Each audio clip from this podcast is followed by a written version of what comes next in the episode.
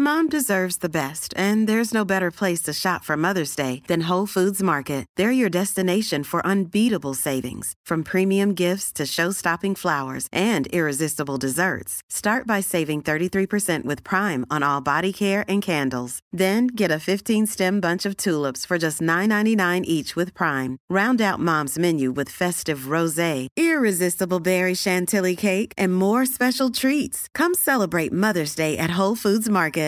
Ready to pop the question? The jewelers at BlueNile.com have got sparkle down to a science with beautiful lab grown diamonds worthy of your most brilliant moments. Their lab grown diamonds are independently graded and guaranteed identical to natural diamonds, and they're ready to ship to your door. Go to BlueNile.com and use promo code LISTEN to get $50 off your purchase of $500 or more. That's code LISTEN at BlueNile.com for $50 off. BlueNile.com code LISTEN. Hey there, it's Michelle Norris. I'm host of a podcast called Your Mama's Kitchen. When I travel, I'm usually looking for a way to find a taste of home when I'm not at home. And one of the things I love to do when I am at home is entertain. And Airbnb allows me to do that. When I was in California recently, I rented a house that had a great kitchen. And when we were sitting around the table, we're all thinking, we're in someone else's house. Someone could be in all of our homes as well. If you have a home, but you're not always at home, you have an Airbnb. Your home might be worth more than you think. Find out how much at airbnb.com/slash host. Er du klar for pod, Øystein? Jeg er veldig klar for pod. Endelig har vi åpna Scootspod-studiet og fått med oss gjester. Det liker vi. Absolutt. Det her blir spennende. Ja, det blir det. En ny verden for meg, i hvert fall. Ja, vet du, ny i ordets rette forstand, for nå skal vi litt oppover på tidsskalaen på mange måter, og vi skal snakke om sportsbil. Ja, dette er jo snaut 20 år gammelt. Ja, men bil er bil. Bil er bil. Da kjører vi pod. Ja, gjør det.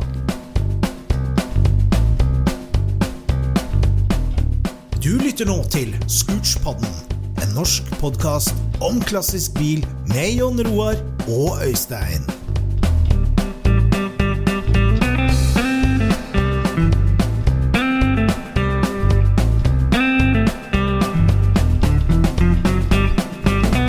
Yes, ladies and gentlemen, kjære Scootspod-lytter. Nå har vi altså åpna studio for gjester, og førstemann ut her nå i sommerstudio til Scootspoden, det er ingen andre enn eh, Pål Grøva, sportsbilentusiast. Velkommen til oss. Jo, tusen takk. Vi har jo kjent hverandre en stund, og, og jeg følger jo med på det du driver med. Og altså, du er i sportsbilsfæren med begge beina, det er ikke noen tvil om. Ja, jeg vet ikke noen annen måte å gjøre det på enn å satse alt. Nei, det er det. Nei, for det elsker vi jo her i podden, ikke sant, med Scootspodden. Med altså at når man går inn for noe, så går du all in, og der er du på. Ja, jeg tror det. Begynte litt smått en gang i tida når man var yngre, men det har vel bare gått uh, rett veien, eller feil veien, som kanskje noen tenker da, men uh, blitt mer og mer oppslukende Ja. gjennom hele livet. Ja, og det er jo noe med, dette, med liksom det å Jeg syns det var artig, vi prata litt før, i starten her, og det med å liksom dykke ned og kjøpe seg litteratur og lese opp og gå i dybden på ting. Og det, det har du gjort hele tida. Og det, det, det, det å være grundig og, og gå dypt, og det er jo spesielt Lamborghini som du har vært veldig inni, og er veldig inni. Ja, det Fra veldig tidlig så var det som ble eh, Om jeg har et favorittmerke, så er det det som er favorittmerket. Ja.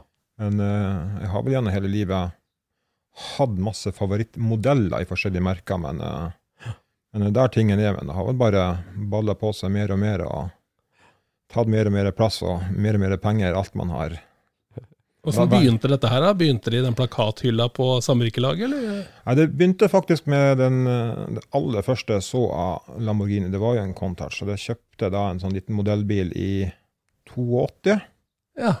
Jeg var åtte år. Så den, eh, den er hjemme i boligen fortsatt 40 år senere. Oi! Men eh, som jeg sa, den, eh, den er ikke min lenger. Den fikk faktisk min eh, kjære datter til konfirmasjon her for litt over en måned siden. Ok. Litt det der med at uh, får du en drøm, så er det at du må aldri gi slipp på drømmen. For du må ha noe å se frem til, noe å håpe og noe å hige etter. Ja. Og det tror jeg håper hun faktisk forstår hva jeg mener med den. da, at Har du en idé nå, og noe du syns noe om, så aldri stopp med det fordi at noen andre syns det er Nei, nei. enten rart eller teit, eller at det fremstår snodig. Det var en dyp gave. Håper det. Ja. Holdt du en liten tale da? eller? Jeg gjorde det, det kom en tåre, mest av at jeg ga fra meg den bilen. Ja, for det var en liten modellbil av en svart Lamborghini Contach. Ja, En sånn liten sånn 1 til 64 Ja. skala. Ja. Den hadde du hatt med deg fra Mosjøen til Bodø til Jessheim til Oslo. Ja, rundt omkring og fulgt flyttelasset i eh, opp- og nedtider gjennom all verdens rare interesser og epoker i livet, men eh, den har ikke forlatt uh, den, den viktige skuffa med de viktige tingene. Ja. Nei. Nei. Og vært symbolet på at uh, liksom, drømmen er der, retningen er du, du, du vet hvor du skal. skal vi si. ja, kan man godt si. Ja, for det, det er jo ikke alle åtteåringer i Mosjøen som, som kjøpte seg Contouch-modell, som senere kjøpte seg fullskala Contouch, men det gjorde du. Gjorde det til slutt, ja. Jeg tror det, Med tanke på hvor få biler som er i Norge, så er det nok veldig få åtteåringer som starter der og har fulgt den og kommet til mål, for det er ikke mange nok av de, men eh, Nei. Fenomenal. eh, altså det å greie det. Nå spola vi jo litt i historien, må, må starte litt tilbake. For hvordan, hvordan starta det, liksom? Altså første bilen vi Eh, Første ordentlig bil. Jeg var aldri borti eh, moped og eh, etter hvert motorsykkel og sånt. Det var ikke min greie. Det var alt mulig av biler, og jeg begynte jo veldig tidlig å kjøpe Wheels og Power, disse bladene her. Det var ikke mer enn 8-9-10-11 år når jeg begynte å bruke ukepengene på det og bli gamle bilsport. ja. Ja. Det vet de alt om. Ja. ja, det vet de alt om. Problemet er at jeg har nesten alle bladene ennå. Det har jeg. Ja, ja. Helt normalt. Ja, det er bra. Så eh, det var jo bil og ting som der var greia, og jeg begynte vel å, å drømme da om en sånn Kelluk-boble.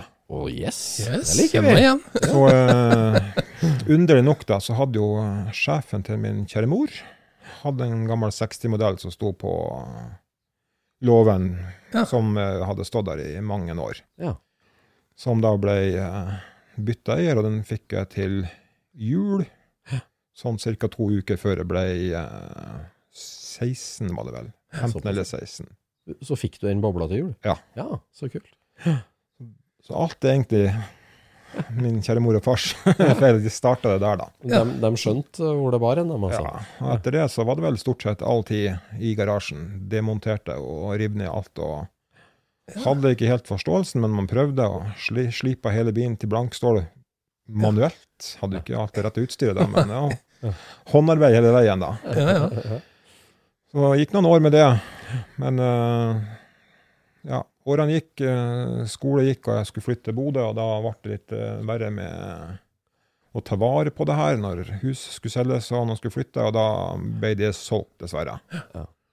Så det ble ikke, det ble ikke noe ferdig kelluker? Nei. Nei. Det var, det var nært.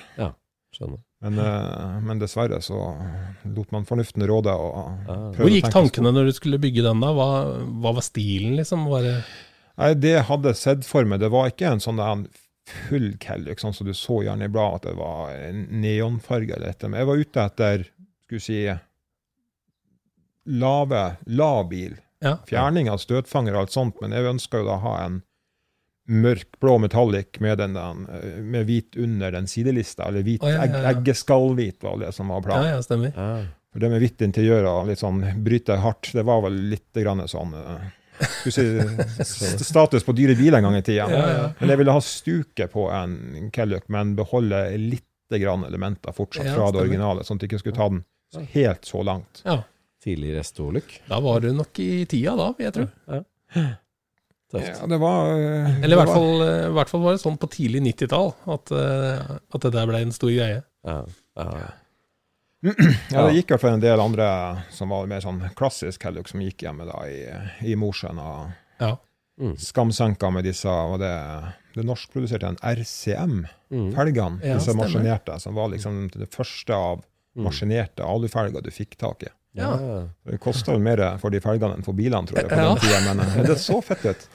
Ja, Lindvall, det- det som laga de i- i Brevik, hvis det ikke var eh, svensk produksjon, da. Ja, det var norsk, husker jeg, de, Ja. de to som eh, jeg husker hjemme, som hadde. Mm. Altså, det var et lite Calluke-miljø der, altså, i Mosjøen. Det var faktisk Ja, det Ja. var et eh, Det var et ganske stort folkevognmiljø, egentlig. Ja. Det var en god del amerikaner, og så var det relativt mye mye bobler, egentlig. Ja. Ikke alt som kanskje var like gjennomført, men uh, Det er et innsteg. Men du, uh, jo, men det er jo det, da. Ja. du havna etter hvert i Bodø, da, og da, hva ble neste bilprosjektet da? Nei, der oppe hadde jeg ikke anledning til noe. Så jeg bodde i to og et halvt, nesten tre år. Og det var, det var bare bru- bruksbil i den tida. Så jeg fikk ikke begynt på noe mer før jeg etter hvert flytta ned til Oslo. Og Ja. Tilfeldigvis fikk eh, han tilgang til litt mer garasjeplass. Ja, for når du kom til Oslo, da, så, så hadde du jo interesse for kroppsbygging og havna hos eh, Haralds Gym, var ikke sånn? Det stemmer. Mm. Eh, jeg visste jo ikke at han hadde, hadde en så stor bilinteresse i så mange år som han også hadde hatt. Han hadde jo en del bilder som hang inne på kontoret ved siden av resepsjonen sin. Men, eh, men jeg var en sånn litt grann kanskje stille ulv, da. Ja. Jeg trente alene, holdt på med mitt, kom inn døra. Jeg prata ikke med folk. Jeg gikk inn for å ha en plan på det som skulle gjennomføres og skulle gjøres rett, og så gikk jeg hjem og var ferdig Okay. være effektiv. Så jeg brukte ikke så mye tid på å bli kjent med folk eller prate med folk, egentlig, til å begynne med. Nei. Men så var det jo tilfeldig at en eh, kamerat av meg som eh, har hatt hjelpa å importere bil fra Tyskland, han dro opp og skulle hente bilen sin, og så treffes vi rett etterpå, og så sier han at øh, du som liker sånn Lamborghini-greier, vet du at uh, han har to Contach i garasjen? Og det var vel um, Den ene var hans, den andre var kjøpt for videresalg. Den skulle bare ordnes og skulle selges, da. Men uh, vi snakka jo om da 90, 97? 98, kanskje. Ja. Og det at noen hadde skrapa tak i å få to sånne like i garasjen, det var definert som uhørt, omtrent. uhørt. Så med Lamboen hjemme på peishøyla hos deg, og drømmen om Lamborghini, så, så plutselig da så sto du egentlig midt oppi det. Ja, det ble, eh, det ble plutselig litt mer reelt at det fantes, og da var det ikke noen vei utenom å begynne å prate litt på trening. Ja. Måtte være sosial, da. Ja, og eh, skulle si, jeg har jo en såpass eh, dyptgående interesse i det her, og allerede da hadde begynt å samle på meg så mye bøker og forskjellig at uh, Harald fikk litt sånn bakoversveis med at hvem er han fyren her som vet så altfor mye? at det var ting han egentlig ikke visste sjøl, han som da hadde holdt på så lenge. og For da, da hadde du begynt å kjøpe deg opp bøker om Lamborghini, så leste Ja, på jeg, jeg, jeg handla på med alt. Men det her med eBay var jo nytt, og fortsatt en auksjonsside som fungerte sånn som det burde være. Så det var jo i alt som jeg fikk tak i av dingser og deler og modeller, bøker. Ja. Så det, det meste som var få tak i til en, en relativt fornuftig pris, ble sendt fra store utlandet og, og hjem. Ja. Og du satt og leste, og yep. begynte å diskutere da med Harald. Eller var det ikke vond å be for å prate Lambo, han? Nei, han var jo ikke det, så det var ikke lang i biten før jeg fikk beskjed at det var bare å møte opp i garasjen og, Ja. og komme og ta en titt. Det var ikke, ikke veldig vanskelig å be. Nei. ja, hva sto det der da, når du kom hjem dit første gang? Nei, Da hadde han bare den ene Contachen, for den var jo det var kjøpt, Den hadde kjøpt de to bilene, tror jeg, hvis ikke husker rett. De Begge var kjøpt i England ca. samtidig. Og Den ene var vel bare serva gått over før den var gått videre. Ja. Så da hadde han jo den, Ja. den ene der. Eh, For nå er vi da på, på tidlig 2000-tall? Ja, vi begynner å ja, Rett i forkant. ja. Slutten av 90-tallet. Ja. Jeg skjønner. Og Men da var det vel mer sjelden enn det var dyrt, kanskje? eller? Var det der de var og snudde, eller åssen var det? Nei, det, det tok en stund til før det begynte å gå opp. Det var vel eh, Når dette her virkelig tok av gårde, det var vel i 2010-2011. Ja. Det var da det begynte å, begynte å røre seg. Ja. Mm. Så det var jo klart, det var jo en dyr bil da, men eh, jeg si, per inntektskrone så var det jo røverpris på den slags på den tida, ja. enn hva det er i dag. Mm. Men det er jo sånn med de fleste Ja, ja. entusiastbilene som er litt sjelden. Mm. Men eh, på den tida så var det vel en fin bil, var vel en 600 000 kroners bil. ja. Mm. Skal du ha en like fin og like sjelden i dag, så er det ikke langt unna at du må legge på en nulle, og da Nei, ikke sant? Mhm. det har blitt, uh, blitt, blitt, blitt hobby for de som uh, Kanskje har en andre lønnsslippet enn hans vanlige. Ja, ja. Større peishylle. Betydelig. ja, men når er det liksom at du, du i, det, I de åra der at du, at, du, at du skjønner at nå skal jeg kjøpe meg en bil, jeg òg, eller? Det, det var jo involvert jo selvsagt Harald dette også, at eh, jeg var på besøk en kveld hos han før eh, det var et eller annet treff på Rudskogen. og Det skulle være noe, noe filming på banen der, i anledning til å trekke det i opplegg. Ja. Og da eh, eh, Mens jeg er der, så ringer jo da sønnen til Harald, som også er like stor Lamborghini-entusiast som far, Ja. og sier at han ikke får til å bli med neste dag.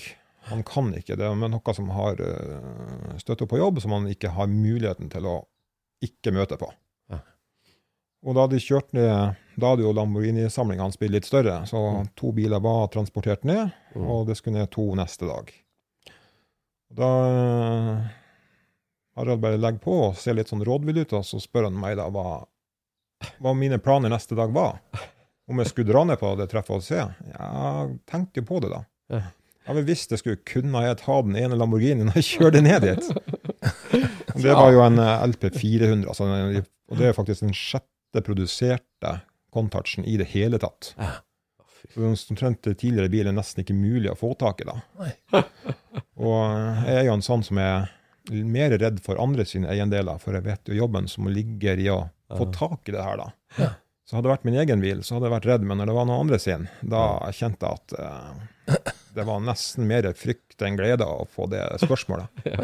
Men man måtte jo si ja. Ja, måtte jo. Var det en periskop på det, da, eller? Det var en periskopa, ja. Ja. Oi. Så da var første Kompass nummer seks, altså. Chassis nummer seks i hele Ja. verden. Så den sto der, og du får nøklene kasta til deg og skal til Rudskogen. Får det. Men uh, den står nå med rumpa ut av garasjen, så jeg ber pent om å få slippe å rygge den ut av en trang oppkjørsel, sånn at den står på veien i riktig kjøreretning før jeg starter. da. For det er jo mye man har lest i bladet gjennom årene om hvor grusomt dette her er å kjøre og alt sånt. Men eh, det er egentlig ikke det. Alt det som har stått, men tenk på hva slags biler som var normalt når dette kom. Folk kjørte rundt i Volvo 142 og Escort MK igjen. Ja. Altså Da så det ut som et romskip. Men, Ja. eh, men det er ikke vanskelig å kjøre. Det er ikke så brutalt sånn sett. Nei. Mye mer funksjonabelt enn man kanskje tror. Ja. Men du må sitte på terskelen for å rygge, eller, eller må du ikke det? Uh, jeg testa ikke. Nei, nei, nei, nei. jeg, tok, jeg tok det ikke. Men det er nok den tryggeste måten å gjøre det på. Men uh, jeg har jo den uh, kroppen jeg har, da, så Ja. jeg har ikke så mye lyst til å flytte meg så mye rundt omkring inn i en sånn bil uansett. Nei. Det holder å komme seg inn og sitte helt i ro. Det er litt, jeg kommer borti både tak og dør og de fleste ting. For det er vel litt sånn gorillakropp som passer best inn der, er det ikke det? Lange armer og korte bein? Det kjenner jeg ikke til. Jeg har verken korte ene eller andre. Jeg er litt for lang i alle kroppsdelene, så da, da er det litt uh, tungvint å komme inn. Men det gikk overraskende greit. Ja. Det, eller det tok noen mil. Vi starta oss eh, her i Oslo hos eh, Harald, og så kjørte vi ned og skulle eh, plukke opp en kamerat av han på Vestby. Ja. Så da stoppa vi litt, bestående der, og så kjørte vi videre. Og når da kom ut på E6-en og fortsatte nedover, da merka jeg at jeg var ikke borti like mye ting. Begynte å faktisk slappe litt av, da. Men har jo disse eh, setene som ser ut som hengekøyer, da, så det er greit ja. å sitte litt avslappa, for da blir det bedre plass. Ja, ja. Men er man eh, redd og anspent, så blir det trangt. Kan ikke være stiv, altså. Ja, så, ja, da ble det tur ned dit. Så var det et par runder på, eh, med litt grann pådrag. Den bilen bråka så mye at vi fikk ikke lov å ha så mye turtall før den uh, ble problematisk med støybegrensninger. Ja, ja. Det var vel sånn 4000-5000 omdreininger. Det var det. Så fikk vi strenge pekefingre. Så det å komme tilbake og Du snakker om det her når man bestemmer seg for noe, at når vi sto Harald igjen og kom ut av bilen Da måtte du si til han at uh, det var en dyr dag, for dette er ikke noe jeg, jeg ville ha, nå er det faktisk noe jeg skal ha. Og da låste du siktet og bestemte deg. Contouch, Ja. det skal det bli. Ja, det var ingen, ingenting annet som egentlig var, var aktuelt. Men hadde du noe hobbybil da sjøl, eller? Eh, når dette her, denne turen var, da eh, Da hadde jeg enda ikke kjøpt, men var like etter at jeg kjøpte min første litt ordentlige hobbybil, sportsbil. da. Ja.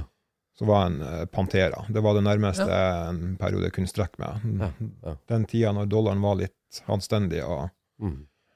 og det var mulig å enda gjøre noen gode kjøp rundt i verden, Ja. så, eh, så begynte det der. Men eh, det blir jo Mm. Du ser jo på bilene at det er bygd i samme nærområde, og det, alle disse designerne og ingeniørene Det er vel folk som møttes på, Ja. På kroa og diskuterte bil, så det er jo mange likhetstrekk med mange detaljer rundt på disse bilene. Ja. Men det blir jo litt sånn lillebror. Ja, ja. Men har ikke den, eh, er ikke den sånn søsterbil omtrent i juleoppheng og sånt nå, da? Er ikke mye likt? Eller blander jeg Eh, med M1? M1 ble jo i stor grad konstruert hos Lamborghini. Ja. For det var vel en type bil som var så ulikt alt annet som BMW hadde gjort, så det ble jo vi si, Lamborghini brukt som Mm. Ja. konsulent. Det ble jo biler etter til slutt også, men det er vel en, uten å huske den historien så godt, så er det jo eh, Det var vel mye klassisk italiensk i den prosessen. så det var en, en, en del runder som kosta mer penger enn det skulle være, og det skjedde ikke så mye. og Noe, Mm. noe gikk fort, og noe gikk eh, bra, og, men Mm. sluttresultatet ble jo kan, kanskje nesten bedre enn hva de lagde sjøl, men eh, Ja. det ble jo en ikonisk bil, det også. Men, har- men Panteraen er en, eh, egentlig en fantastisk sportsbil, sånn med at du har enkel motor, du har mye enkel teknikk, men det er en Mm. veldig fin bil å kjøre. Mm. Og det med at den er så enkel, den eh, Alle som er interessert i bil, kan kjøpe en sånn, skru på den og holde den med like for en eh, veldig liten enkeltpenge. Ja. Mm. Mm. Det er vel eneste italieneren som da Deleprisen har ikke gått eh, hinsides til værs, og det finnes vel et større tilvalg av, av reserve- og reprodeler i dag enn det en bil, en bilen er bygd av, omtrent. Ja. Så du kan jo forbedre han ganske mye uten å ødelegge karakteren på bilen. Ja. Så det, er en, det er en flott bil, men, eh, Mm. men det var litt det her med, med lyd og det, det ekstra. Ja. Jeg har vært glad i vi si, oppbygging av biler, materialvalg og sånne her ting. Så det med disse gamle italienerne med kanskje stålramme i bunnen, men med håndbanka aluminiumskarosserier, sånn som Aston Martin, samme måten. Mm. Jeg er veldig glad i eh, jeg er glad i biler som har mye håndverk i. ja, ja. Mm. For en Di Tomaso, den er i stål. Det er stålbil hele veien, ja. Ja, Mm. stemmer. Ja. De har en fryktelig artig rusthistorikk, de fleste bilene der, ja. Ruster opp i taket i bakkant, gjør ikke det? Eller noe sånt? ja. Den delen av taket som er bak den eh, ruta du har mot, Ja. mot motor, Ja. der ligger det tre stållag i den. Det er ikke behandla, og det er ikke tett. Nei. Og til å begynne med så var det vel en del av disse bilene, når de ble uh, sveist sammen og, hos uh, Gia, så eh, ble de stabla på sånn stativ, sånn som folk bruker å sette båtene på slippene Ja, her, da. Men det var ikke sikkert at de var lakkert ennå. Så det var ganske mange biler som var brune, og så ble de slipt ned, og så ble de lakkert. Og da var det krype inn litt gøy her og der. Ja. Akkurat. Så det har vært noen uh, Pantera-historier her i Norge også som har vært uh, mildt sagt tragisk.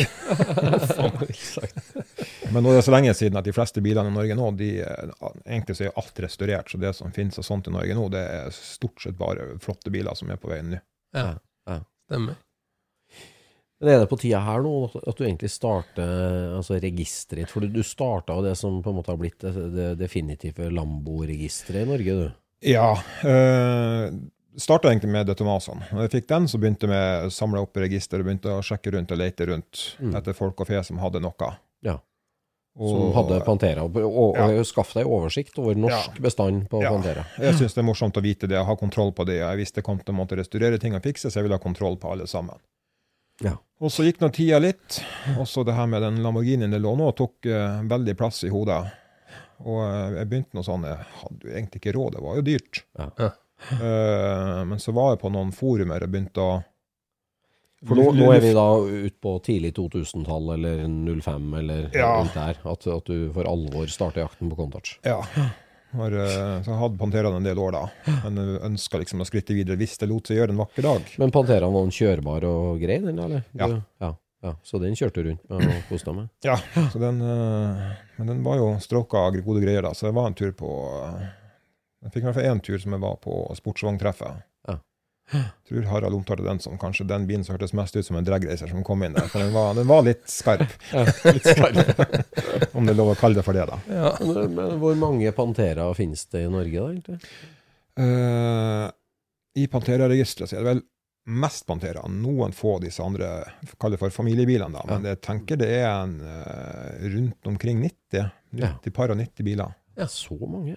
Det er nok ganske mange som står i deler rundt enda. Ja. Men uh, det er jo biler som er spredd fra, uh, fra Tromsø i nord til Lindesnes i sør. Ja. Ja. Yes. Det, Halvparten på skilt, eller? ja, Av de rundt, rundt det, tenker jeg. Mm. Det er nok mange som har satt bort. Ja. Vi greide nå når Vi ble jo en klubb også, da. Så jeg var med og, og starta. Vi kartet på det meste da, tror jeg, ha var det 11 eller 12 biler på eh, Øvre Voll. Ja. Det var en uh, relativt Jeg tenkte det er en ganske god prosent å få, uh, få samla sammen på uh, et så lite merke, da. Ja, Ja. absolutt. Huh. Tøft. Akkurat. da. Jeg har lyst på en sånn bil. jeg. Pantera. Har alltid syntes det var en tøff bil. Og Ja, som, du, bil. som, som du sier, med, med enkel motor også, da, som er lett å både trimme og vedlikeholde, så er Ja, det er jo stålsolid girkassa, den ZF-kassa. Den er jo opprinnelig den òg fra en eh, gammel tysk, uh, tysk militærbil. ja, men, Den er ikke ment å stå i en liten bil på 1300-1400 kilo. Den er jo ment å være en sånn eh, liten lastebil på 5-6 tonn, kan veie. Okay. Ok. Så den girkassa er jo ment for massiv juling. Ja. Sånn at uh, i en Pantera så er det vel stort sett alltid vektbalansen eller dårlige dekk, eller dekkene som er begrensningene på hva den bilen kan. Ja. Ja. Mye motor, den girkassa tåler Yes. Jeg har aldri hørt om noen i Norge som har uh, greid å ta knekken på en sånn kasse. Noen Noen folk som har prøvd seg på bane og diverse også, men uh, Så det ene tyske i bilen, det holder. Det er helt korrekt. Jeg vil si den bilen oppe i eh, Den som står i, går i Tromsø, da, det er jo noen gærninger. De bruker jo har vært flere turer fra Tromsø og ned på Le Mans Classic, f.eks. Kjørt dit og kjørt rundt i Europa.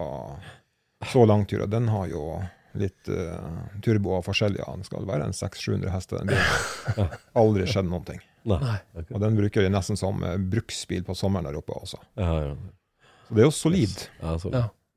Jeg tror ikke du kan gjøre det samme med en klassisk Ferrari. Nei. 90 stykker, ja. Da er det jo håp, da, for en uh, finne seg. Men du vet vel om dem, du, alle sammen? De fleste, ja. Men du nevnte familiebiler. De Tomaso familiebiler. Den, den, ja vi har en, eh, en som heter Deauville, Ja. en fireseter. Den er relativt lik en eh, Jaguar så fra 70-tallet, disse XJ6 og okay. de bilene. ja. Mm, mm. I sideprofil så er det nesten identisk, og jeg vil eh, Jeg tror egentlig at bakhjulsopphenger er samme. Det er veldig store likheter der. Ja. Mm. Og så finnes det den der bitte lille Fiat-baserte, eller Ja, du, ja, du, ja, Autobianchi-basert. du hadde en sånn Autobianchi-sak. Ja. Eh, når i historien ikke de gjorde der, eller om det var at de solgte jeg skulle si, rettigheter til navnet litt grann for å få inn noen kroner. Jeg tror ikke det, jeg er ikke sikker på om de bilene egentlig var innom fabrikken. Mm. Nei. Så jeg tror det ble en liten sånn à la Abart-løsning. at, eh, Fins det noe sånt i Norge, da? Det tror jeg ikke. Nei. Jeg har sett på klubbsida noen ganger hvis noen har funnet noe som har vært til salgs ute i verden, at uh, annonsene deles flittig. Ja. Så det er noen som håper at det skulle komme i noe sånt hit, men uh, Magusta, mange har vi av de, da? det tror jeg er to av. To, ja. Ja. Er det- Kult. Ja. jo eh, en i Askim og en i uh, Tønsberg-distriktet. Ok. Ja, det er fin bil, altså. Uh. Absolutt. Ja. ja ja, men du greide ikke, greide ikke å slå deg til ro med Pantera? Contouch-jakten fortsatte? Ja, jeg, jeg gjorde det. Uh, og det var vel sånn Har vi begynt med kanskje si nærme oss 2010, da. Mm. Når det begynte dette her med sånne typer biler, klassisk, at alt begynte å klatre sakte, men sikkert i pris. At uh, ikke nødvendigvis de store økningene, men hver gang noe kom ut og det ble solgt relativt kjapt, så var det litt dyrere enn sist. Mm. Og si, på den tida så var det vel skal si, prisen for en ny bil til disse gamle som egentlig var samlebilene, så var jo prisdifferansen stor, så man forventa jo at dette kommer til å gå mye opp. Mm. Ja. Så jeg tenkte at skal jeg ha sjans, så er det kun én ting som gjelder, det er å dette med beina, hoppe i det med Mm. begge fortest mulig. Så da begynte jeg på disse forumene. Lette etter det som jeg tenkte for meg var mest gunstig, og det er jo helst mekanisk solid som mulig, hvor det er bra. Og Eventuelt uh, lakk og interiør, det får komme i andre hånd. Det trenger ikke være en fin bil, men det være en mekanisk sunn bil. Så det er jo det som koster noe der. Da fikk jeg plutselig mail fra en gammel gubbe borte i USA som drev og skrudde Lamborghini, bare Contouch og, uh, og Miura. At det sto en bil da hos han som mekanisk var klar, ja. men eier var rimelig lei. Det har tatt lang tid. Ikke alle delene som ligger på uh, hylla overalt. Så Den bilen hadde han kjøpt for et år siden, og det hadde stått et år. og har kosta noen penger. da. Så både det å skaffe penger og skaffe deler hadde drøyd ut, men nå var han fyren litt lei av vent. Så da fikk jeg beskjed om bare her har du anledning, hiv inn et uh, sånn passelig bud fort som juling før han legger den ut til salg, så kanskje du får det billig bil. Og han var jo en kjent, veldig kjent mann i, uh, i Lamborghini-miljøet i USA, han som Som eier nei, han som skrudde, da. Ah, ja. Mm. Så bare det å få en mail fra han venter jeg egentlig ikke noe på. For han er en mann som er opptatt nok med å ta vare på ting, og har hatt masse biler på utstillinger for folk og sånn, så det er jo kvalitet på at han gjør, det han er kjent for. Ja. Så jeg tenker, Det tar jeg ikke sjansen på å gå glipp av. Når, når en sånn som han også går god for at det som er her, det er, det er verdt pengene, i hvert fall. Mm. Så da var det å slenge ut et bud, og det fikk jeg da umiddelbart nei på. Ja. Og så prøvde jeg å løfte den litt og sa at eh, jeg skal få til det, men noe mer klarer jeg ikke. da. Så gikk det noen dager, og så tenkte jeg nå gadd han ikke svare meg, for jeg var kanskje frekk. Uhøflig. Ja. Men eh, så kom det melding tilbake. OK, men da må du være en kjapp handel, og du kjøper med de delene, og du kjøper med rubb og stubb. Selvsagt. Oi, oi. Da var det jo Ja, så det var vel. Jeg tror det var ganske seint i 2010, for jeg fikk vel bilen hjem i eh, starten av 11. Ja. Da kom den i containerne på kaia. Ja. Fy flate. Ah. Og den var gul? Den var gul. Hvilken Den var- årsmodell var det? Det var en uh, 83. Ja. Så det var eh, det som heter LP400S, altså siste generasjon. Generasjon, generasjon 3 av den 400 4-litersmotoren. Er det da forgasserbil, eller? Er Det det... er forgasser, ja. Ja. Så der ligger det seks stykk store bensinsluk på, på rekke og rad i da. Fy søren. Med amerikansk spesifikasjon, eller var det en Nei, europeisk bil? Bilen var øh, Bilen hadde hatt ettermontert denne grusomme amerikanske øh, støtfangeren bak. Oh, ja. Så det var to små hull i, øh, i karosseriet som var tatt ut. Men det var jo egentlig uproblematisk, det. Men bilen var jo da opprinnelig sveitsisk levert. Ok. Så det var jo, skulle si, som jeg tenkte, også en, en fordel da, med tanke på bruk av blinklys og alt sånt, at man får brukt de eh, vanlige støtfangerne og vanlige blinklysene og alt man vil ha her, som er det, de, de korrekte delene. Ja. Du hadde ikke fått den der herlige vingen foran nå? Nei, eh, heldigvis ikke. Nå er den bilen så dårlig aerodynamisk fra før av, men eh, den blir ikke bedre med noen av disse vingene. Så, eh, Det er ikke mange som tror at den er dårlig aerodynamisk. nei, de færreste tror det, men jeg mener jeg har hørt at den faktisk var verre enn Golf 1 Ja. i sin tid. Ja. Du har disse artige ørene som stikker ut i tillegg. De er som, eh, som fang, fanger en luft for å skal ordne kjølinga. da. Og de er ikke noe suksesshistorie i aerodynamikkens verden, for å si det sånn. Nei, nå hadde han jo ikke med det på prototypen, da, men Nei, Det var jo ment at det ikke skulle være sånn, Ja. men det viste underveis at det var en, en nødvendighet for å ikke Ja. koke til enhver tid. ja. Fy flate. Å ja, så den opprinnelige Den første var så, så dårlig på aerodynamikk? Er det, er det for at den er så tverr bak da, at det blir som en turbulens der? Eller? Nei, jeg skulle si aerodynamikk har ikke sånn super Jeg har litt forståelse for det, men å beskrive den til folk, det greier jeg ikke helt. Men det er vel én ting at bilen også er så brei at når du ser bilen forfra, altså på den tida hvor mye areal du møter når du ser forfra, mot si på samme tida en, eh, en slank, gammel, tidlig 911-er, Ja. Mm. så er jo sikkert det frontarealet er jo nesten halvannen gangen, liksom. Ja, ja, ja. Altså, aerodynamikk er jo veldig rart, for det, det eneste du på en måte kan si, er at det funker ikke som du tror. Nei, du ser jo nok av biler i dag, store, svære SUV-er, som sannsynligvis har en Allikevel fordi at det finnes flinke ingeniører der ute, som Nettopp. har fått ned aerodynamikken til å være lavere på det enn siden den gitte gamle 911 du snakker Ja, om. ja. Så selv om det er en bil som er dobbelt så stor alle veiene, så smyger den seg bedre gjennom lufta. For den der eh, vingen jeg snakka om, det er jo den som sitter på panseret foran på visse amerikanske Ja, det var nå disse eh, gråmarkedbilene som kom inn, som de gjorde det på for at eh, det var jo krav om eh, en høyde, høyde fra bakken opp til støtfanger. Ja. Så det er egentlig en støtfanger, den der er eh, støtfanger, vingen? ja. Så den er bolta rett i ramma, og den er støtfanger og gjør jobben til en støtfanger.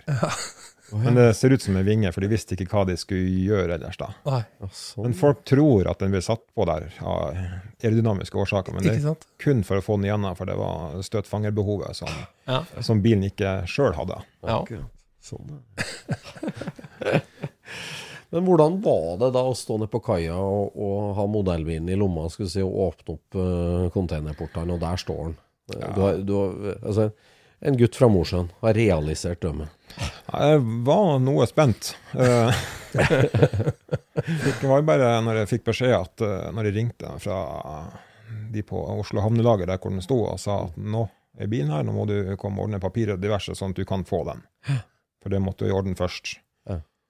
Og jeg tror ikke det er mange som har vært så kjappe og slipper alt i jorda, leie en henger og komme seg ned dit og eh, gjøre det som skulle gjøres, og få, få, få overført og få banken til å bekrefte at eh, momspengene ble tatt der og da, så jeg kunne bare reise rett bort og hente den. Ja, for, du- for du var ikke der borte og kikka på den eh, etter at du hadde kjøpt den heller? Nei. Det var første gang du så den der nede? Ja. ja. Det var noe skummelt. Ja.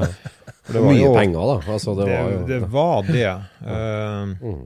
det er jo noen år siden, da, men uh, skal vi si, og vi snakker jo egentlig bare om et, et bra objekt. Dette var jo ikke en klar bil. Nei. Men, eh, så det var jo en del jobb som gjensto, men fortsatt det var jo den gangen en bil til nærme altså, Ja. Momsa hjem og, og frakta og alle disse tingene som følger med og henter noe hit, så var det en bil til nærmere 600 000. Mm. Men starta og gikk, eller åssen var det? Nei, motoren var ferdig restaurert og gått over og satt inn, men alle tingene rundt ble bare hengt på plass for at det skulle matche med når eh, de, det fraktfirmaet kunne hente det bilen og få sette den i container på østkysten av USA og sendt den over. Mm. Han kunne jo tatt den jobben, men da måtte jeg stå i kø som alle andre hos han, for han Ja. hadde andre jobber da. Så det var bare om å gjøre å få det hjem kjappest mulig. Mm. Så da ble det en liten kjapp tur bort til kona på jobb og be om fem minutter og få forklare litt hva jeg har tenkt å gjøre nå. Og håpe at ikke hun ble sint. Jeg visste jo ikke at du hadde kjøpt bil. Nei, altså, jeg hadde vel nesten sagt ja.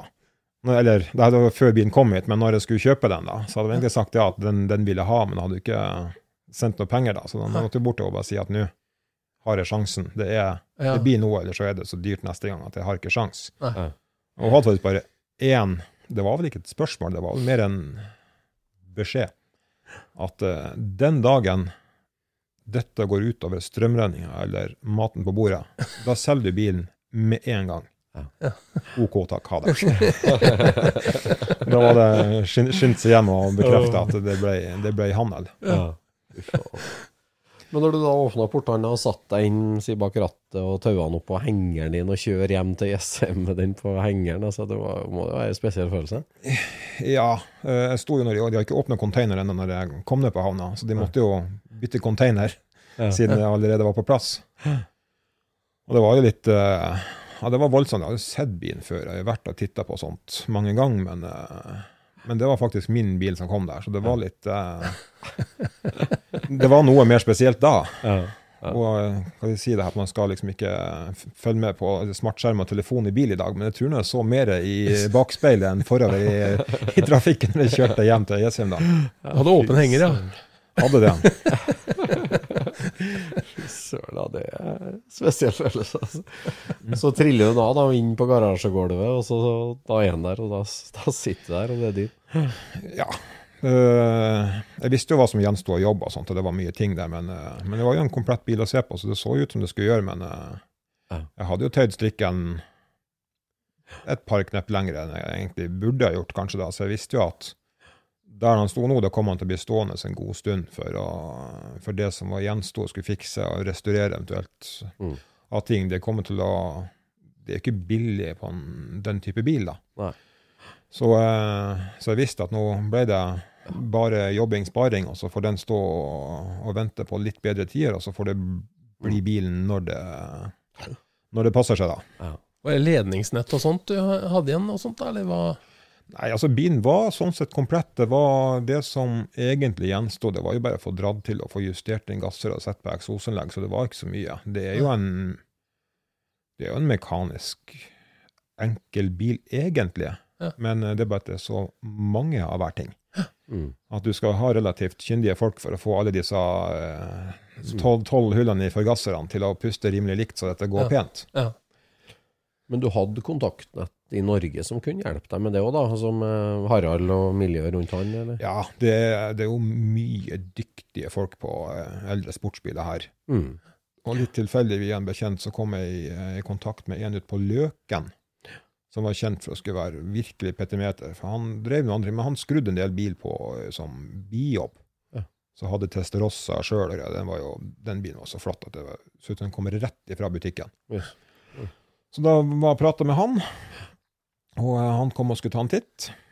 Og eh, ja, greit, han skulle ta på seg jobben, da, men han ville ikke ha noe tidspress. Vi tar det når vi tar det, og når jeg har råd til ting, og så blir det som det blir. Og så transporterte vi bilen da ut til han. Ja. Så, eh, så der sto den en periode mm.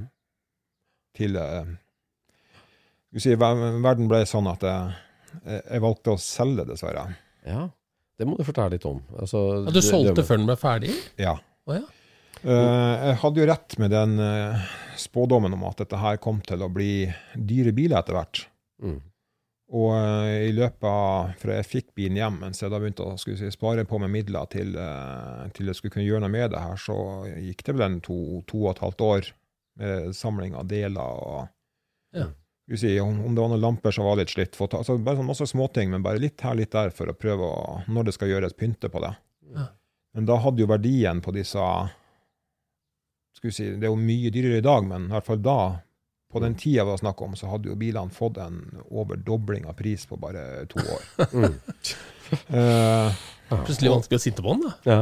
ja, altså det var jo drømmen, det var det, men jeg skal være ærlig og si at denne kroppen i den bilen, det er jo ikke det optimale. Det er ikke noe komfortabel bil for meg sånn sett å kjøre, selv om det er en rimelig god bil å kjøre, egentlig. Her får du en eh, lang og kraftig kar. Ja, jeg kunne vært mer sportsbilvennlig konstruert sjøl. Men uh, vi var en tur nede på Oldtimer Grand Prix, jeg og eh, Harald et par til. Mm. Og var i prat med en tysker som har en ganske stor samling med Lamborghini.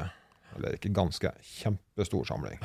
Jeg tror han har sånn 30-40 biler, et av disse gamle helikoptrene, prototypene, som de vurderte å begynne å bygge en gang i tida. Alt mulig rart. Mm.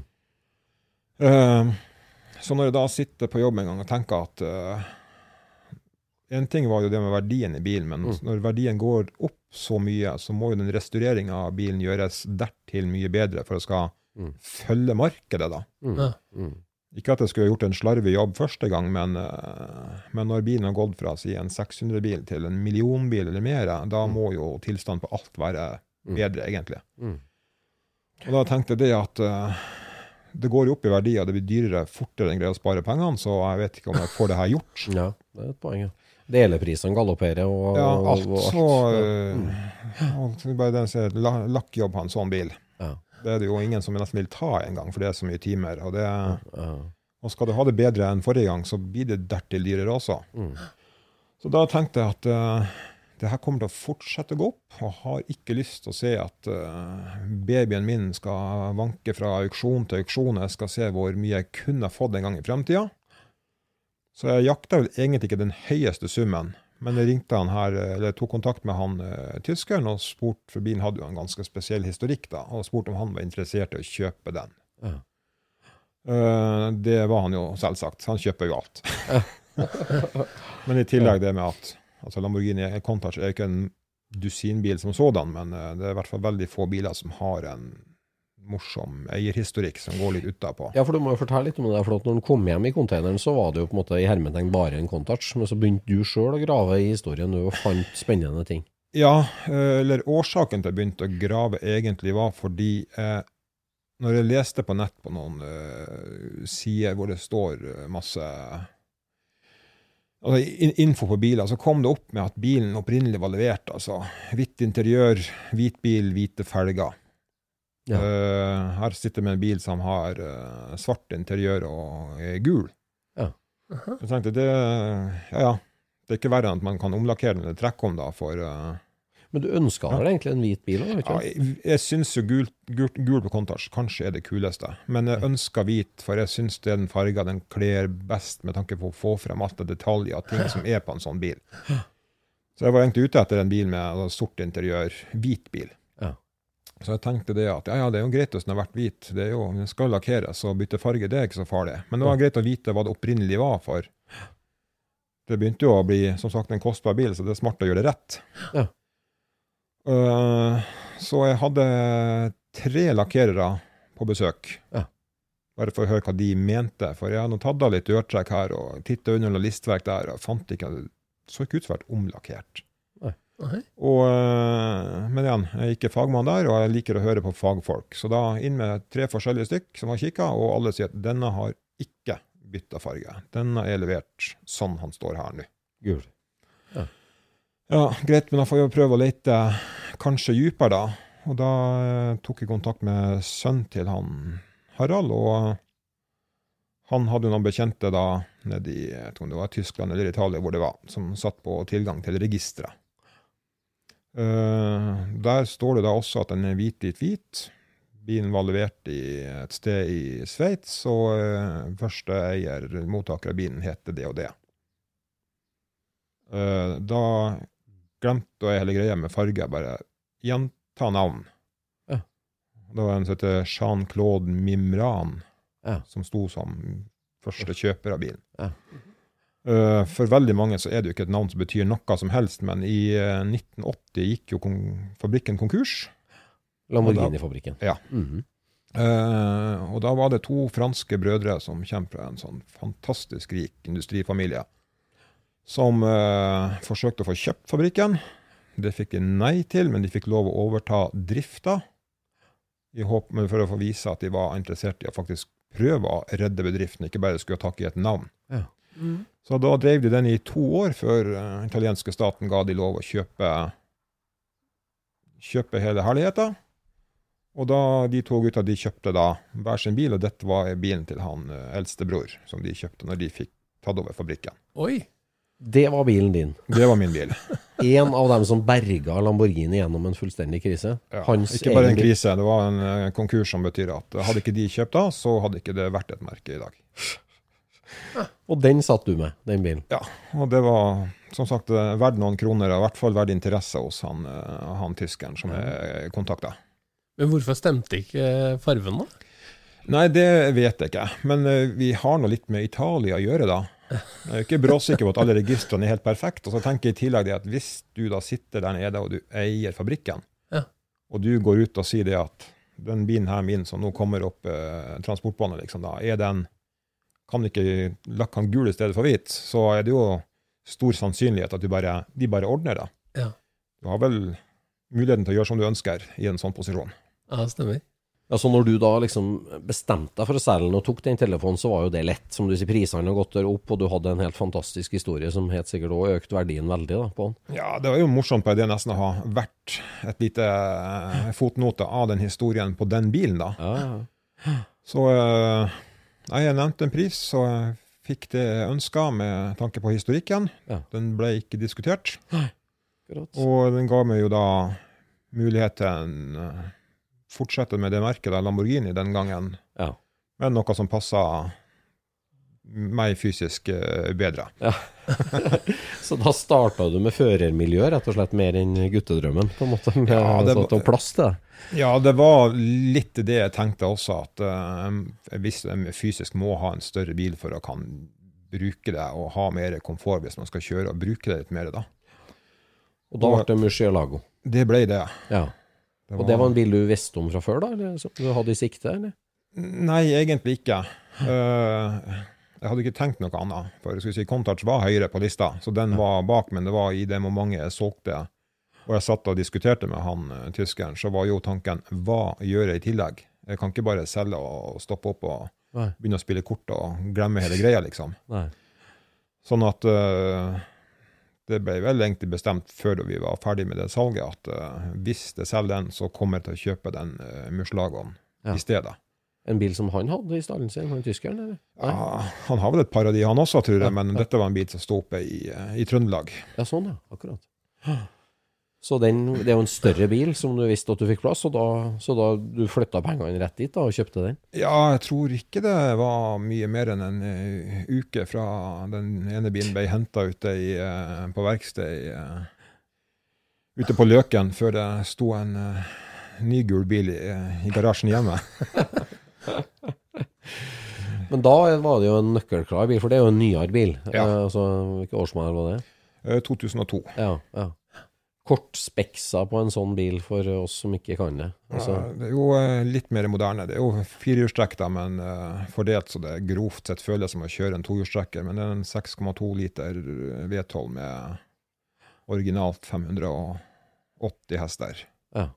Turbo. Ikke turbo. Ikke turbo. Nei. Men er det eh, Du nevnte vel på at den er basert på Diablo? Den er nok langt på vei, det. Ja. Uh, Plukker man av karosseriet og ser på hjulvinkler og hvordan ting er konstruert og rammekonstruksjon, så er det fryktelig nært. Ja. Jeg tror nok uh, den motoren er jo enda da den samme uh, Bizzarini-konstruksjonen som har vært der helt tilbake til fra uh, Lamborghini 350. Ja. Ja. Så det er jo grovt sett samme skal vi si, vinkler og alt som har fulgt i de motorene i all tid. Så det er jo familielikheter av det der til Lamborghini har jo egentlig ligget i, i V12-eren. Mm. ja. Så det Men det er jo langsgående. Mm.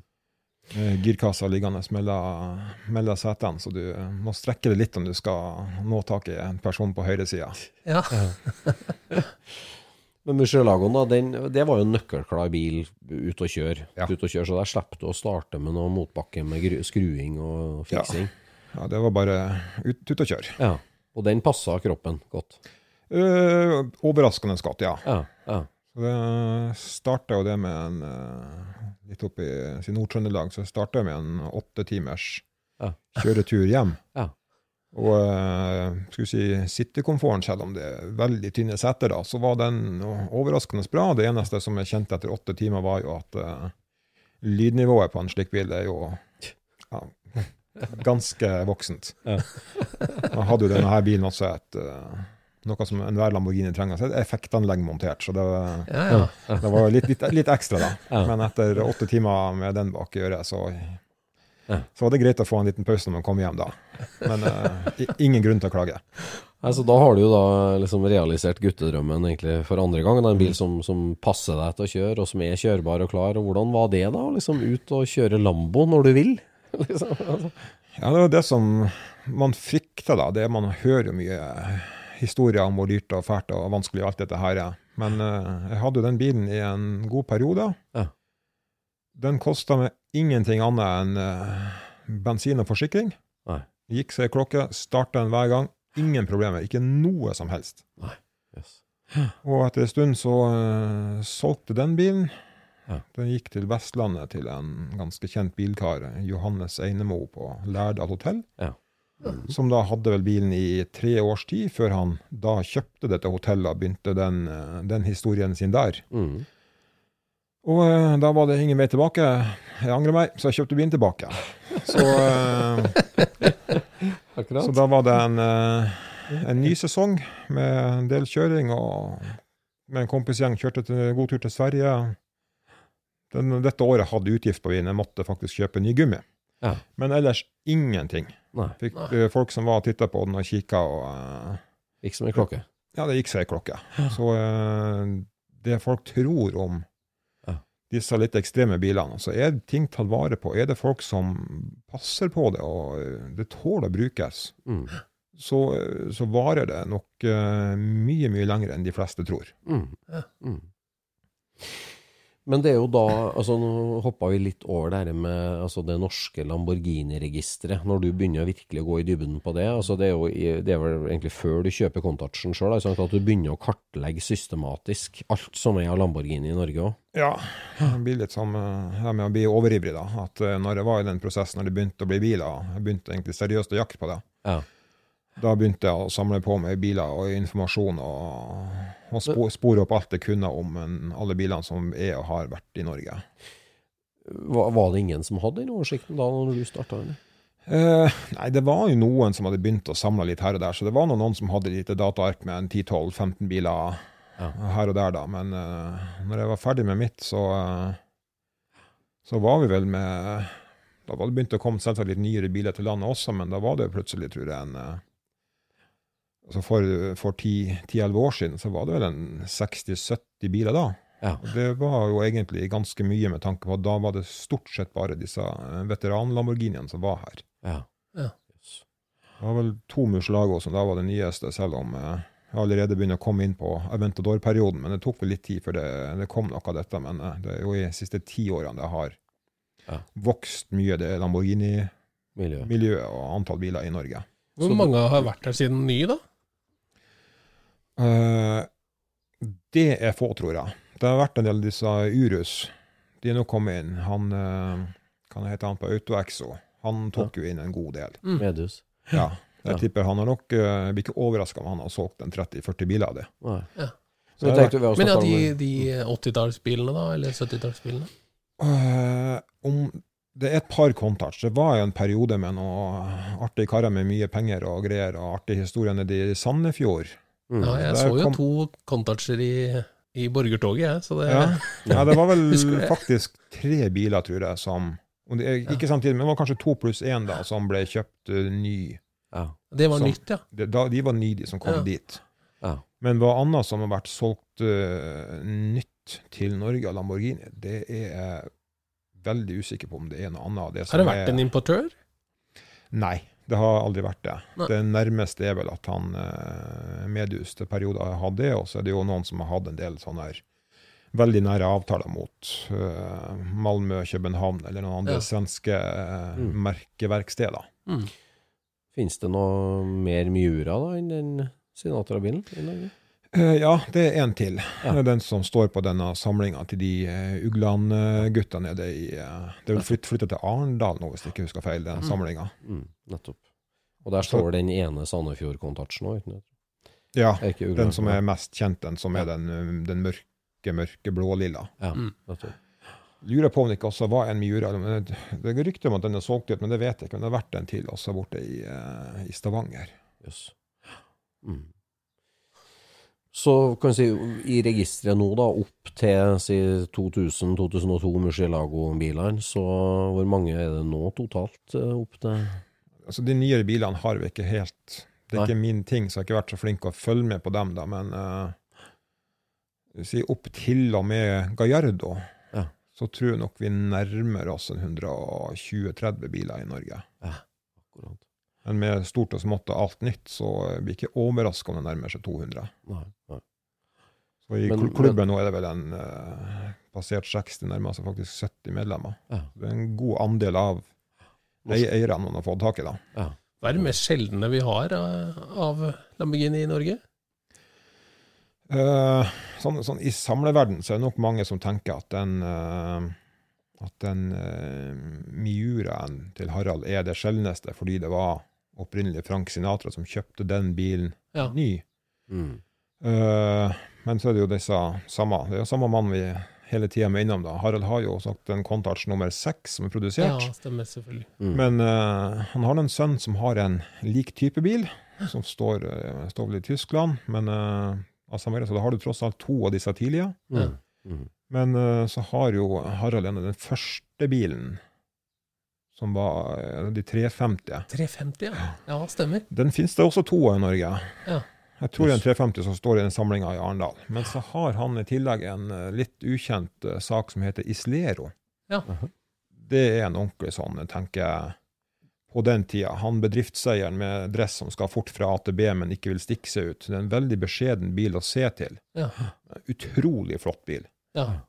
Det er vel eneste som det bare er én av i okay. Norge. Har vi Jarama også, eller? Ja, det tror jeg det finnes tre av, faktisk. Ja. Jøss. Det, som ikke er i Norge, det er ikke verdt å ha. Nei, det er utrolig. Så det viser seg stadig vekk. Oi, oi, oi. Ja, så, men, men så da, så selger du eh, Murcielagoen for andre gang. Ja. Og, og, og du er jo, du er jo sportsbilentusiast, som du Mm. sier. Du er, du er jo du, altså favorittmerke Lambo, men du, du vil prøve forskjellige ting. Så, så har du nå vært igjennom, eller vært inni, eller er inne i en fase der du har eksperimentert med veldig ulike typer sportsbiler. Ja, øh, sånn i det store og hele, så like mye som jeg ser på selv som sportsbilmann, så er jeg jo jeg mest glad i eh, veteranbil. Eldre sportsbiler, litt sånn gamle racerbiler og sånt. Det er det som er min ting. Jeg har utrolig sansen for sånne gamle GT-biler, type sånn som Bizarini, GT 5300, Le Mans-biler, den slags. Ja. Jeg syns sånt er utrolig tøft. Ja. Men nå hadde jeg plutselig prøvd ny sportsbil. Og kanskje det var jo rimelig gøy, det også. Ja. Så eh, det var jo lyst til å kanskje prøve ut mer. Det er jo kanskje mer funksjonabelt, det funker. Altså Du går ut, og du, er ikke, du funderer ikke hvor dyrt blir det hvis den ikke starter nå, Nei, liksom. Du, Sitter og lytter til rare lyder når du ja, det, det, det gjør det dessverre uansett. Ja, det. Men kanskje ikke i like stor grad. Nei. Så det ble jo eh, testa ut litt, litt frem og tilbake. Jeg var borti Audi eh, R8 og Ja. helt tilbake plutselig på en Ferrari 308 GTB og Ja. Litt, Ja. litt forskjellig. Ja, noen Lotuser. eh, Så ganske stort spekter. Corvette har du sportsbilverden. vet du. Ja, to stykk. Ja. C6, Z06, og så nå eh, sist jeg hadde en av disse eh, som er utrolig rart at ikke det er en mer kjent og ettertrakta bil, disse eh, C4 ZR1. Ja. Det er en bil som er 90-modell, og eh, hvor kapabel den bilen det er jo helt utrolig. 375 hester på den tida igjen. I altså den eneste Corvette, eller USA-motoren frem til nå nylig som var med fire doble overliggende kammer. og Motoren konstruert av Lotus og eh, bygd av eh, Mercury Marine for det skulle tåle altså bil, Bilmotorer bygges ikke med eh, si, stor nok nøyaktighet for å ligge på og kjøre så hardt så lenge som en båtmotor. Nei. Nei. Derfor eh, var det bare Mercury Marine som hadde både kompetanse og utstyr og for å bygge denne motoren i liten nok serie med stor nok, stor nok nøyaktighet. Så da i 1990 faktisk, så var det noen luringer som tok ut en sånn bil. Ut på en sånn ovalbane, ikke med skal vi si, ligging i svingene heller, men så vidt litt i endene at det er noe helling ellers flatt. Og eh, skulle kjøre den i ett døgn, så fort som det bare overhodet gikk. Og det var vel rundt kloss på 280 km i timen i snitt i ett døgn i 1990. Det er det faktisk ingen som har gjort etter. Nå eh, 32 år senere. Og det bare gikk og gikk, altså? Det gikk ja, de, det var noen som mente det at hvorfor fortsetter vi ikke bare åtte timer til? Og så sa de nei, førerne får ikke lov. Nei. Så de, drift, de gutta som drifta og var teknikere, fulgte med på teknikken, de sa det, bare kjør på. Ingenting som tilsier at det her går gærent. Men de mente at nå hadde førerne vært fokusert lenge nok. Det gjør deg jo spesiell, tenker jeg, Pål. Det, med- altså, altså, det er ikke mange som sier at eh, jeg elsker Lamborghinien min og Corvetten min og Lotusen min. Altså, en ting at du, altså, noen har skylapper på merket, men for deg så er det jo altså, kontinent og, og type bil og frontmotor, bakmotor eller midtmotor. Og, altså at, at du, du er jo åpen for alt, du. Ja, altså, så lenge det ligger altså, Egentlig liker vi jo absolutt alt. Ja. Uh, jeg har vel faktisk uh, Så jeg tenkte på det når jeg var på vei hit nå, at når var jeg sist på et merkestreff? Hæ? Eh, jeg har ikke vært på ett merkestreff siden Carlsen Coffee-fenomenet kom hit for er det da syv-åtte år siden. Ja. For eh, det var et bilde da med når det kom, når det var nede det som var ved, eh, nede på uh, Skedsmo her. Ja. Så noen på en eller annen gruppe la ut et bilde hvor der står det en uh, jeg hadde den. Ja. Og ved siden av så står det en svart uh, Volvo PB. Utrolig strøken bil. Ja. Og bak den så står det en sånn eh, 60-talls Cadillac, og like bak så står det en sånn gasserbygd eh, 55 Chevy. Ja. Altså, og, og, den blanding, og den blandinga der, på det ene lille bildet, Ja. det Ja.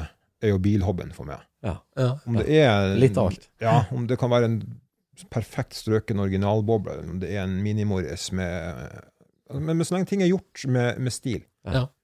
Jeg er ikke nødvendigvis så stor fan av disse eh, skal vi si Man kaller det for rånebilene, men jeg skjønner jo humoren i det. Ja. Mm. Men, eh, men jeg liker ting som er egentlig velgjort, så lenge man bygger rett, og har sansen for egentlig absolutt alt. Men det er jo sportsbil som det er det som jeg bruker tida min på. da. Ja. Ja. For hva, hva er det som står i garasjen din nå? Nå har jeg en eh, skal vi si, som noen syns er litt kjedelig, men eh, Opel Speedster. Ja. Mm. Det er jo Opel spiser alubil. Eh, ja, alu, alu ramme med lite lett glassfiber oppå, som eh, grovt sett er samme bilen som en Elise. Som igjen, ja, som var i basis for ja, Tesla Roadster nå, ikke sant? Det, Det er korrekt. Nettopp.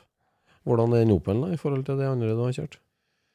Eh, jeg har vært via flere Lotuser, og eh, hadde en sånn Speedster også før, og kjøpte noe igjen. For det er altså mange biler til ulike bruk.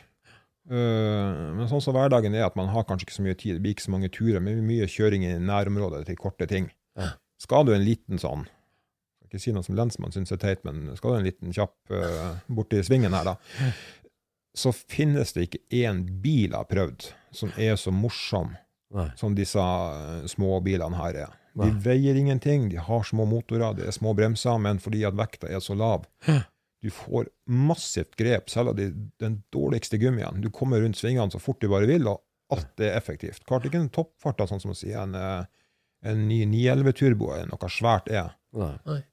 men det er så utrolig mye glede i den kjøringa når du gjør det, når du er ute og surrer der.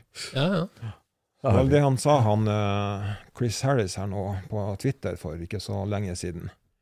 At uh, jo flere kjører disse store, fantastiske superbilene som har så mye motor og går så fort, så får jeg bare mer og mer lyst på å kjøpe en Elise S1 igjen. ja. du, du mister egentlig følelsen med mye ting. Du, altså, vanlige folk skal ikke kjøre rundt en bil uten hjelpemidler hvis det begynner å bli over 500 hester, tenker jeg. Du må ha hjelpemidler. Da begynner du jo med en gang kanskje å miste litt av kontakten med det som er under. Ja, ja. Den Opelen, 147 hester i den. Kjøpte den i Bergen og kjørte den fra Bergen og hit på et par minutter under seks timer. Ikke noe spesielt fort, da, men bare slo ikke på radio, ingenting. Sitter bare og hører på verden rundt og nyter. Hva veier den, da?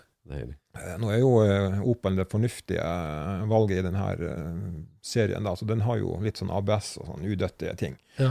Men den er vel eh, 870 kilo. Oi. Mm. Ikke mer, nei. Altså, det er veldig lett å trille inn og ut av garasjen hvis du skal, skal rokere om på noe. Ja, ja. Herlig.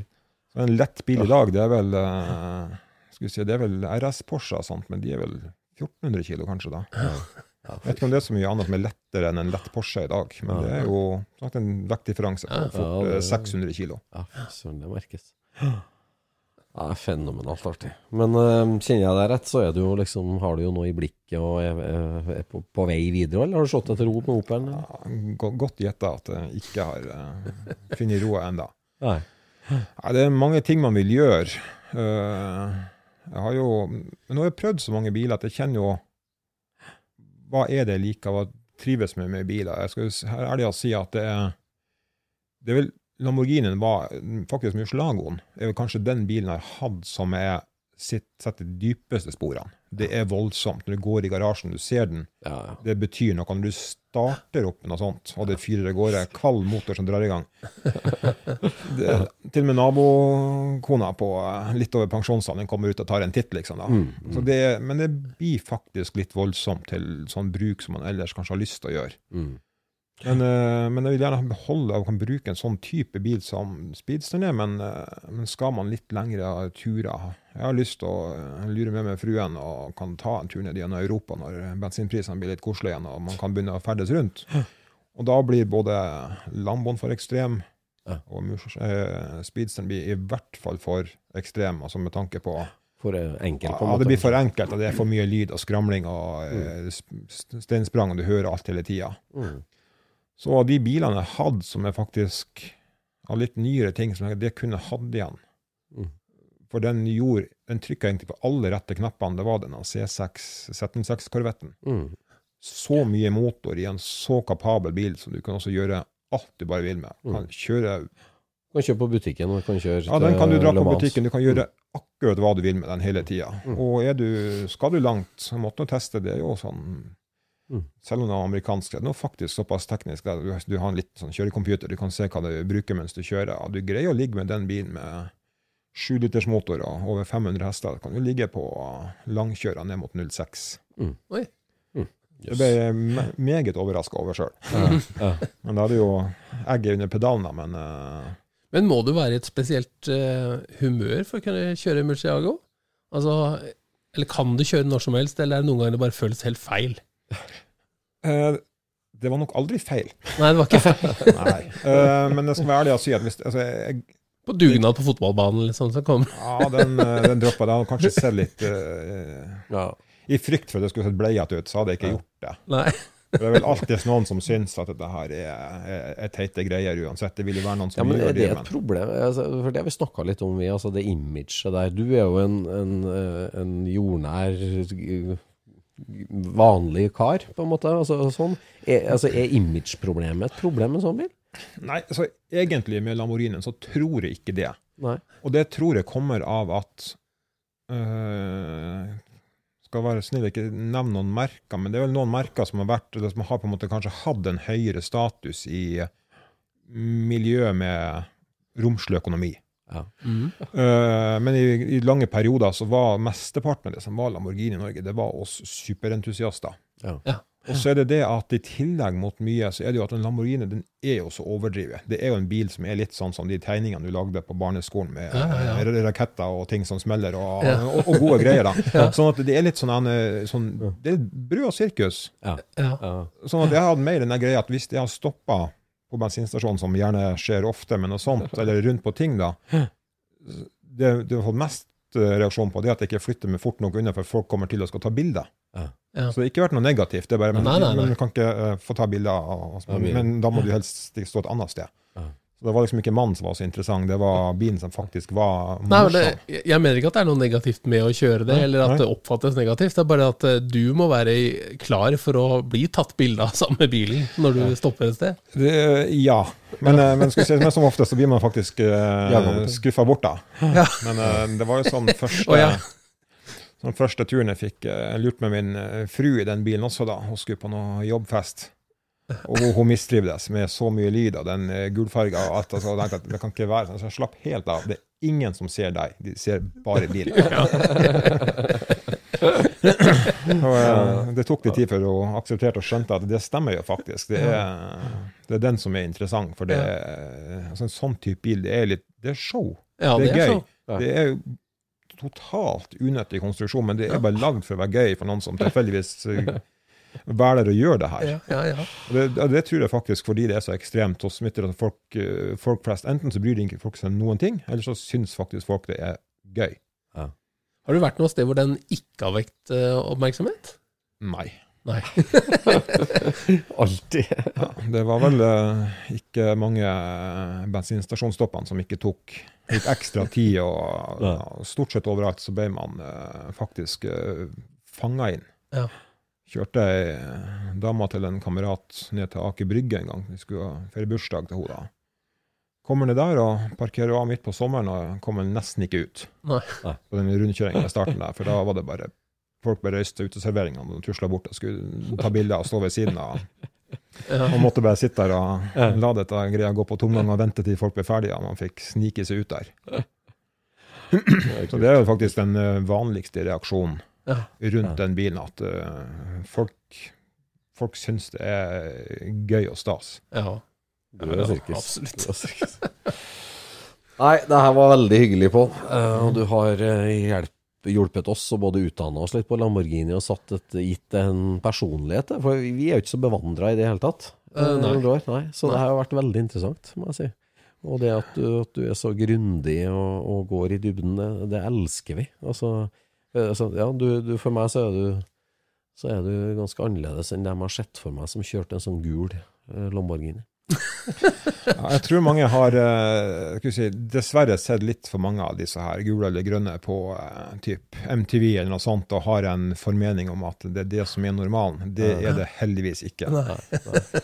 De fleste bilene du ser der, er nok leiebiler som bare er brukt i de, eh, de minuttene, og så er det ikke nært den etterpå. Men, men klart mange, mange får et inntrykk som ikke nødvendigvis trenger å være både bra og rett. Utrolig interessant. Og så er det jo en sånn, ja, som du sier, det der symbolet du ga til dattera di i konfirmasjonen, her, at det er jo det der med å holde fast med den drømmen. Selv om det, altså, det, det er jo en helt vill drøm, men du du er jo beviset på at det gikk an, du. Så det Ja, man får i alle fall ikke til hvis man ikke prøver. Nei, Nei. det er bra, sikkert. Fenomenalt. Det får være mantra for dagens episode av Scootspoden. Ja, Hold på drømmen. Absolutt. Så sier vi tusen hjertelig takk, Pål, for at du tok turen innom studioet vårt. Ja, Takk for at jeg ble invitert. Takk for besøket. Takk for i kveld.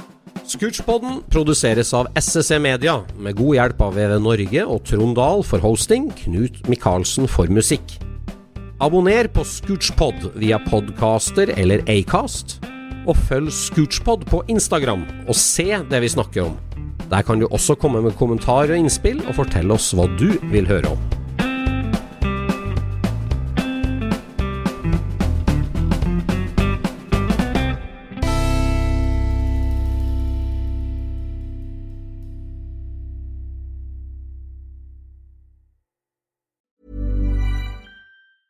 Even when we're on a budget, we still deserve nice things.